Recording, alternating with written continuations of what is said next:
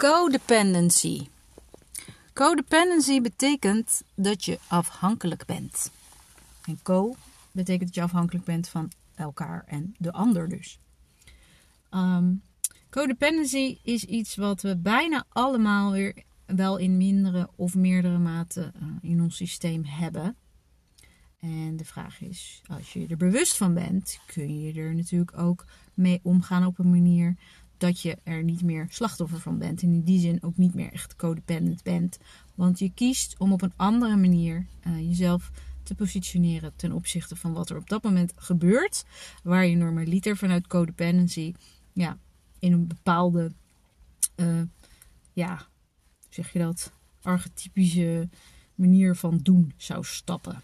Nou, er zijn zo gezegd vier soorten, vier archetypen. Um, en de eerste is eigenlijk um, eentje waaruit anderen ook geboren kunnen worden, zoals ik dat zie. En dat is eigenlijk als je uit een heel erg dysfunctioneel gezin komt, waar weinig liefde was, waar weinig erkenning was, weinig bevestiging, heel veel onveiligheid en um, nou ja, geweld, verwaarlozing uh, in allerlei vormen maakt dan dat je gewoon het slachtoffer bent. En dat ben je ook niet alleen omdat het natuurlijk heel naar is om dat mee te maken, maar ook omdat je al een kind bent op dat moment in het gezin waar je geboren wordt. Want je bent afhankelijk van je opvoeders, hè, van de volwassenen om je heen. Je bent afhankelijk van hun begeleiding, van hun zorg, van hun input, omdat je een kind bent en nog niet al die middelen hebt om voor jezelf te zorgen. Dus als jij in die fase van je leven dus allemaal ja, kruisjes krijgt op de behoeftepijlers die iedereen in essentie nodig heeft om ja, op te groeien. dus je wordt niet erkend, je wordt niet uh, gezien, gehoord, begrepen, bevredigd in behoeften, fysiek, mentaal, emotioneel. Dan raak je dus gewoon echt heel diep beschadigd. En op de laag van hechting uh, is daar dus ook uh, heel veel angst. En wat je ziet bij uh, iemand met een victim imprint, uh, is dat hij ja, een laag zelfbeeld heeft. Dus in die zin, als hij dat systeem in zichzelf nog niet heeft herkend en erkend, dan zal hij op zoek gaan naar een partner die hem zogezegd uh, zou kunnen redden. Hè? Want ja, een slachtoffer moet natuurlijk gered worden. En met gered worden bedoel ik hier iemand die voor hem of haar kan zorgen, voor degene met een victim imprint. En iemand die dus ook per definitie heel veel te geven heeft. Iemand die veilig is.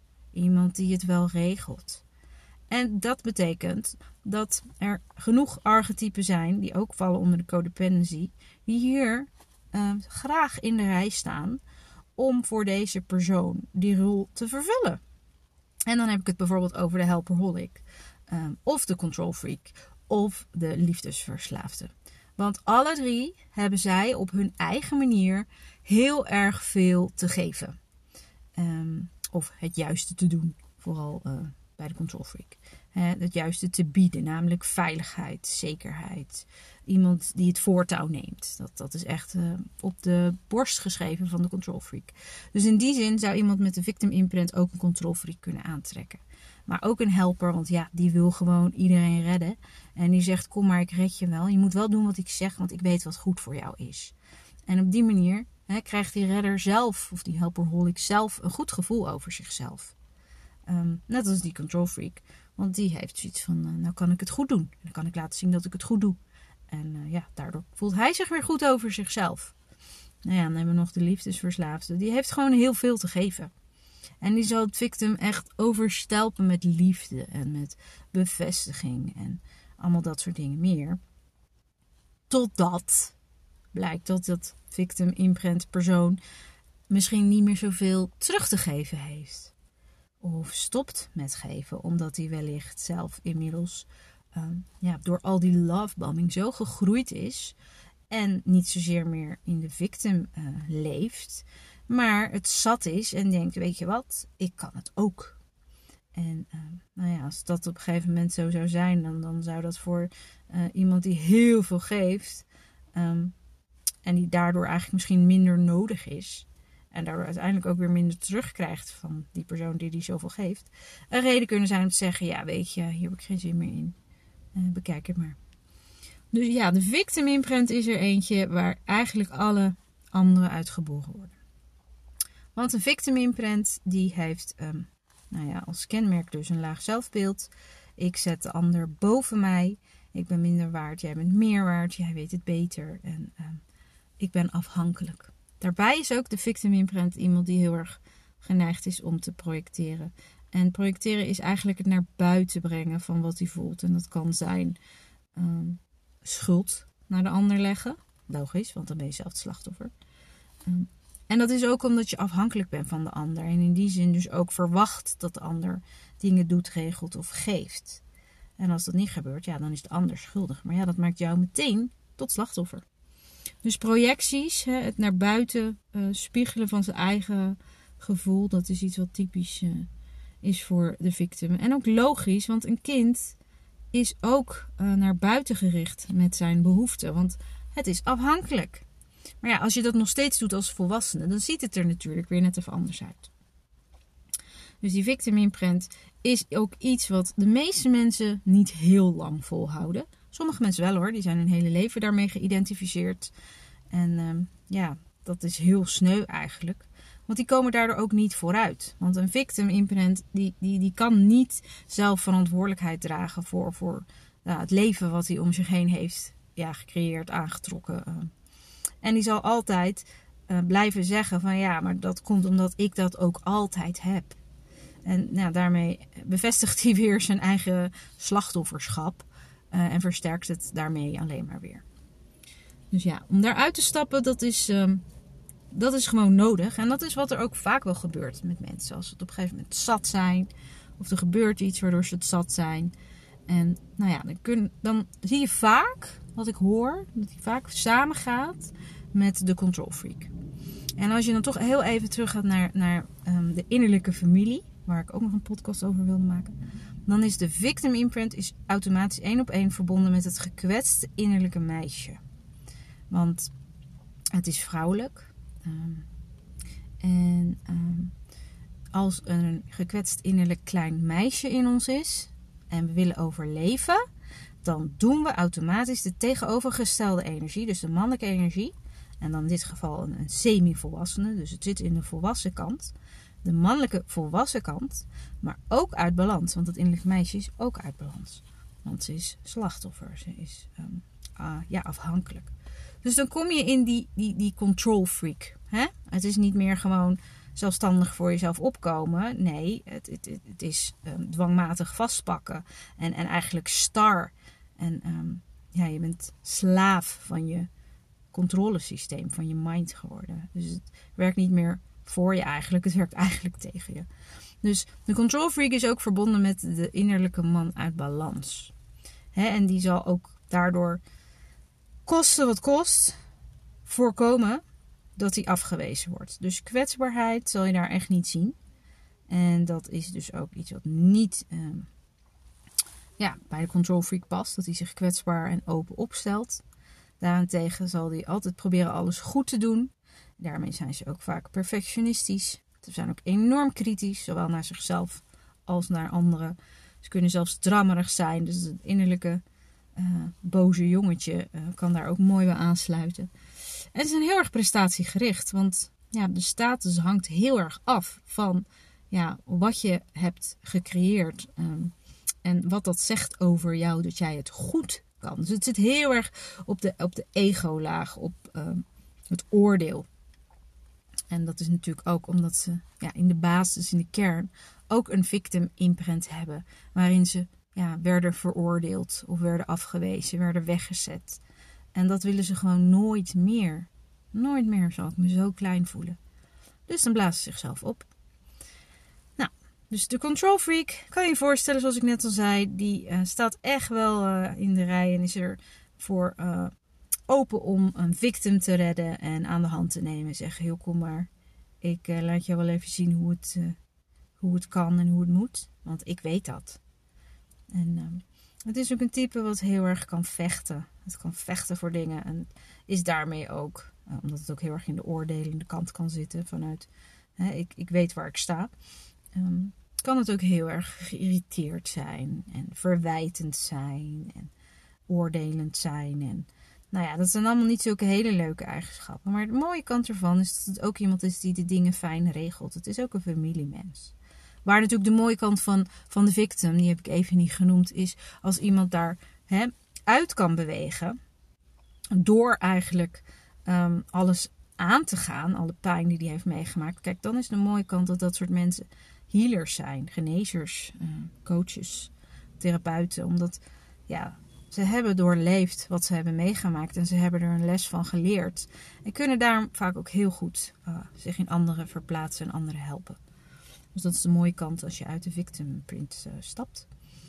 Nou, de control freak dus hè, heeft ook een goede kant. Maar goed, um, als je daar dus in vast blijft zitten, en het is er eentje die ook heel mooi past in onze maatschappij, die natuurlijk heel erg gericht is op het hoofd, hè, en denken en doen, het mannelijke sowieso, maar ook um, prestatie en um, nou ja, je bent waard um, aan de hand van uh, de functie die je vervult, aan de hand van het grote huis dat je hebt, de mooie auto, de mooie spullen, de vakanties, alle gadgets, weet ik veel wat nog meer. Het gaat over ego en status. Kijk eens hoe goed ik het kan. Hoe goed ik het heb. Wat ik allemaal heb gedaan. Ja. Dat zijn dus uh, best wel heel veel voorkomende codependency systemen. En nogmaals, je kunt ze in meerdere of mindere mate kun je er een aantal in jezelf herkennen. En ze zijn allemaal in het leven geroepen om te overleven. Om jezelf overeind te houden. Nou. Het is ook zo trouwens dat weet je welke er in jou aangaat, hangt ook af, want het is niet één ding, van bijvoorbeeld je karakter. Hè? Wat past bij jou? Uh, en ook hoe je bent opgevoed. Dus jouw ouders al heel erg ja, op uh, prestatie aanstuurden of, of, heel voorwaardelijk waren in de liefde uh, die ze gaven. Dus vooral als je iets goed deed, bijvoorbeeld. Um, en weinig consistent in, in warmte en, en, emotionele bevestiging. Dan is de kans natuurlijk heel groot dat je eerder in de control freak uh, neigt te schieten. Omdat je dat ook vanuit de opvoeding hebt meegekregen. Dat, dat hè, een, een goed uh, hoofd, een goed verstand, dat dat heel veel aanzien en aandacht kreeg. Nou. Wat nog meer uh, een veel voorkomend uh, codependency archetype is, dat is de helperholic. En de helperholic, ja, klinkt zo leuk. Hè? Holic geeft aan dat het natuurlijk een, een doorgeslagen variant is. Die heeft natuurlijk ook goede kant. En die goede kant is dat het gaat over mensen die heel empathisch zijn, mensen die hulpverlener zijn, mensen met een groot hart. Alleen als je doorslaat in dat willen helpen van mensen en de redder wil zijn, en dat je eigenlijk niet kan voorstellen dat je dat niet zou doen, want dan, en precies, want dan, dat zegt dat je het nodig hebt. Je hebt het nodig om eigenlijk zelf overeind te blijven. Om jezelf goed te blijven voelen over jezelf. Ik doe ertoe als ik doe. Of als ik help. Of als ik geef. En um, nou ja, dat komt voort uit opgroeien in een gezin waar jij hebt geleerd dat jouw behoefte eigenlijk secundair is. En dat kan zijn omdat je moeder uh, gewoon ja, weinig tijd voor je had, omdat ze misschien een groot gezin had. Of omdat ze psychisch niet in orde was en ziek was. Um, of je ouders. En dat je op de plek van een van die ouders bent gaan staan. Uh, omdat je vond dat zij het niet goed deden. Of omdat je zag dat ze het zwaar hadden. En dat je ze in die zin een beetje bent gaan dragen. En bent gaan verlichten door jezelf maar kleiner te maken. Omdat je kon voelen van ja, ze hebben het al zwaar genoeg. Um, en in die zin heb je jezelf eigenlijk het kind zijn ontnomen. En ben je eigenlijk, ja, dat noemen ze dan parentificatie, een beetje op de plek van een van je ouders gaan staan. In elk geval ben je uit je kindbak gestapt en ben je gaan aanpassen. En aanpassen, ja, dat is een kenmerk wat heel erg ook typerend is voor de helperholic. En um, aanpassen in die zin dat het, ja, laat zien dat je gewoon je eigen behoeften niet zo heel belangrijk vindt. Want je wil in de eerste plaats dat de ander zich goed voelt. En als een ander zich goed voelt dankzij jou, dan geeft dat jou weer een gevoel dat jij er mag zijn. Want jij hebt daar bijgedragen. Dus eigenlijk moet jij via een enorme omweg moet jij, uh, ervaren dat jij ertoe doet. En eigenlijk nou ja, alleen maar door iets te geven en te doen. Want ja, als je niks doet, ja, wat, wat heb je dan nog voor waarde? Dus dat is heel verdrietig eigenlijk. Dus daar is ook heel weinig zelfliefde. Ehm, en dat hebben ze natuurlijk bijna allemaal. Uh, alleen ze gaan er anders mee om en ze verdoezelen het op een andere manier. En ze probeert het op een andere manier te krijgen. Dus de helperholic is er ook eentje die, die wil het altijd fijn voor iedereen. En ehm, die wil ook absoluut geen ruzie dus met mensen. Dus die zal altijd alles aan doen om dat te vermijden. Het is ook echt een vermijder. En uh, ja, waar de control freak nog wel lekker de confrontatie aan kan gaan en lekker naar voren beweegt, daar zal de helperholic eerder gewoon meteen uh, naar achteren deinzen en uh, wegvluchten. Om maar te voorkomen dat er disharmonie is. Want ja, disharmonie, dat gaat ook over voelen. Hè? Al die emoties voelen. En dat is iets wat de helperholic ook niet heeft geleerd. Omdat hij zijn eigen gevoel, zijn eigen verlangens, zijn eigen behoeften secundair heeft gemaakt. Dus daarmee is hij in feite ook ja, niet tot nauwelijks in verbinding met zijn eigen gevoelsgebied. En dat is heel belangrijk om keuzes te maken. Dus het, het, het, voelen wat heb ik nodig en daarin ook je eigen behoeften en grenzen kunnen aangeven, dat is voor de helperholic echt een uitdaging. Nogmaals, als je jezelf erin herkent, kan zijn dat je dat inmiddels al hebt geleerd en dat is super. Maar dit is even hoe het in de basis um, eruit ziet als je nou ja, volledig zou voldoen aan al die archetypen. Dan mag ik hopen van niet natuurlijk. Maar het gaat erom dat het systeem in je zijn. Het is niet wie je bent. Mm, dat wil ik wel echt even met stip benadrukken. Dus ja, de helperholic. Goh, nou drie keer raden wie aangetrokken zou worden door de helperholic. Nou, dat is natuurlijk ook het slachtoffer. Misschien kennen jullie ook wel eh, de drama driehoek van Kapman. In het drama driehoek staat dan uh, rechtsbovenaan de redder. En onderaan staat het slachtoffer. En er staat linksbovenaan de aanklager. Nou, daar zou je ook de control freak wel kunnen zetten. En uh, ja, als je die samen um, in je relatie hebt, hè, en dan kan je een stoelendans doen, dat je de ene keer die rol vervult en die, ja, dan, dan snap je dat er altijd gedoe is. Dus, nou ja, die redder dus, die zal een victim aantrekken, want die, die straalt onbewust uit: help mij, red mij, ik ben afhankelijk. Nou, dan uh, staan zowel de control freak als de helper en misschien nog wel meer de helper uh, helemaal vooraan om uh, die victim eventjes lekker ja, bij zich te nemen. En nou ja, zal te helpen helen en te helpen laten voelen dat hij ja, wel goed is en wel fijn is en nou ja, dat soort dingen meer. Dus ja, de helperholic is er eentje die heel veel voorkomt. Vooral ook heel veel bij HSP's, dus bij hoogsensitieve mensen. Het is ook één op één verbonden met de empaat. Maar ja, juist als je dus niet in verbinding bent met je eigen verlangens en gevoelens, dan kun je je dus ook echt ja, ja, verliezen in die zin dat je leegloopt erop. Burn-out model is ook bij helperholics en zowel bij control freak ehm, zeer uh, groot die kans dat je dat uh, krijgt. Omdat je gewoon veel te veel um, bezig bent. Altijd maar doen, doen en geven en geven. En veel te weinig stilstaan bij wat heb ik nodig, namelijk rust. Dus ja, dat is uh, bij deze twee types. Nou, dan heb je ook nog um, de love addict, de liefdesverslaafde. Die is vrij nieuw. Die staat ook niet in de dramadriehoek. dat viel me op. En wat is deze, dit archetype? Het zegt iets over mensen die nou ja, eigenlijk als je ze vanuit de gezonde kant zou bekijken, heel erg ja, gepassioneerd zijn, charismatisch, levenslustig. Ehm, de kunstenaars, de schilders, de, nou ja, de mensen die, die, die anderen kunnen inspireren met hun waanzinnige energie. En nogmaals, het archetype dat jij wellicht hebt ontwikkeld, past ook bij jouw karakter. Dus het zijn mensen die misschien al heel jong weten hoe ze anderen kunnen vermaken, kunnen verblijden met grapjes of met hun artisticiteit. En um, nou ja, dat zijn mensen die daar dus ook heel erg goed op gaan. Op, op dat uh, gevoel van, van passie en vuur en, en liefde. En nou ja, passie en vuur is natuurlijk volledig aanwezig op het moment dat je verliefd bent. En dat is een gevoel waar ze dan ook maar al te graag heel vaak uh, van vervuld willen worden. Dus dat zijn mensen die, die, die altijd op zoek zijn naar, naar een heftige, intieme ja, verbinding. En um, daarin zullen ze dus ook hun best doen om de ander natuurlijk met hun liefde te bedelven. Uh, maar het is ook zo dat als daar niet voldoende aandacht terugkomt, dan hebben ze ook zoiets van: ja, hallo, wat gebeurt hier nou? Hier heb ik niet voor getekend. Ik bedoel, ik geef je wel heel veel, maar ik wil ook wel wat terug.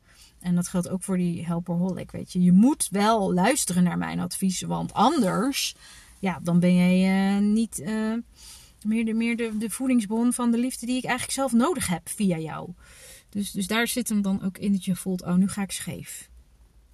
Want als je kan helpen uh, zonder dat de ander ehm, nou ja, of als je zeg maar kan helpen en de ander zegt nee dank je en het is oké, dan zit je aan de goede kant van helperholic. Maar als het je raakt en triggert, nou, dan weet je, oh shit, ik zit uh, aan de verkeerde kant. Maar goed, even terug naar die love addict. ik vind het zo'n grappig woord. Um, nou ja, bij deze geldt eigenlijk ook net als bij de victim. Er is gewoon heel weinig consistente liefde, warmte, um, et cetera geweest. Vaak zeggen ze afwezige vaders, ook bij de victim trouwens. Um, en ja, ik denk sowieso dat als een van de ouders afwezig is, dat dat al heel vormend is. Omdat er natuurlijk heel veel bij de ander op het bordje komt. En dat is heel erg zwaar. Dus dan is het per definitie zo dat die ouder twee keer zo hard moet werken om ja, zijn kinderen het gevoel te geven van joh, ik ben er voor je, ik zie je. Dus dat er weinig of, of, of, of matig um, ja, liefde aanwezig is dan voor dat kind. Dat, ja, dat, dat vind ik eigenlijk heel begrijpelijk. Um, dan heb je het nog niet eens over als er dan ook nog sprake is van pathologie of, of mishandeling en geweld. Dus ja, ook die, die, die love addict die heeft heel erg um, dat gemist. En die is daaraan op zekere hoogte dus verslaafd om dat alsnog uh, vervuld te krijgen. Om alsnog die, ja, die, die liefdestroom continu te voelen. Eigenlijk heeft hij continu bevestiging nodig. En als hij dat niet krijgt, dan zal hij boos worden. Dan zal hij eigenlijk meteen iemand anders zoeken. Dus in die zin wordt ook wel vaak gezegd van God lijkt wel iemand met um, bepaalde vorm van um, bindingsangst. Omdat er eigenlijk heel snel hop naar de volgende wordt gesprongen. Um, maar ja, je kan het ook zien vanuit de andere hoek. Hij wil altijd met iemand zijn. En um, daarom kan hij eigenlijk niet alleen zijn. En vanuit die beweging, laat me niet alleen, gaat hij alweer op zoek naar een ander. Dus het kan ook verlatingsangst zijn. En nogmaals, die twee zou ik niet zwart op wit um, onder een van de codependency systemen plaatsen. Want ja, nogmaals, er zijn natuurlijk twee verschillende van dezelfde munt. Dus ja, daar ga ik ook nu verder niet uh, over uitweiden. Want hè, als je de, victim erbij zou pakken, kan je zeggen: ja, als je zo slecht gehecht bent, dan is het heel waarschijnlijk dat je moeite hebt met verbindingen aangaan. En dat je dus misschien meer aan de bindingsangst gaat zitten. Maar aan de andere kant kan het net zo goed zijn dat je juist vanuit die behoefte um, van het niet hebben gehad van die verbinding en hechting, dat je verlatingsangst hebt ontwikkeld. En dat je je vastklampt aan de eerste, de beste, veilige, stabiele helper of um, zogezegd de zekere, stabiele persoon in je leven. Dus het kan allebei en het hangt heel erg af van welk type jij in je karakter hebt. En waardoor je hebt gekozen voor, nou, ik kies voor hechting of ik kies voor autonomie, als je dan toch moet kiezen. Um, en autonomie, nou ja, dan, lijkt het meer op van ik doe het zelf wel en ik kan het wel alleen. En dat is de control freak. Want die, die trekt alles naar zichzelf toe en alle verantwoordelijkheid. En die, die heeft echt zoiets van, joh, ik, ik doe het zelf ik heb niemand nodig. Terwijl als je zou kiezen voor uh, de hechting, hè, dan zit je meer um, bij, bij de verlatingsangstige kant. Van ja, ik wil, ik wil niet alleen, laat me niet alleen. Um, ja, en, en dat is dan weer uh, meer het victim. Dat altijd maar zoekt naar iemand om ja, door gedragen te worden om, om, die van hem houdt. Dus ja, het heeft altijd twee kanten. Nou, ik hoop dat, uh, dat jullie hier een beetje inzicht door hebben gekregen. Hè? En misschien kan je zelf wel gaan bedenken van, goh, welke zouden welke aantrekken? Wat ze nou een goede match zijn. En daar ga ik misschien ook nog wel een keer een podcast over opnemen. Want dat is ook wel heel grappig als je daar naar kijkt. En nogmaals, Weet je, laat het je niet identificeren, hè, want het zijn systemen. En zodra je ze door hebt, kun je er uh, ja, mee balanceren en kun je keuzes maken die goed zijn voor jou. Dus, nou, bedankt voor het luisteren en uh, tot een volgende keer.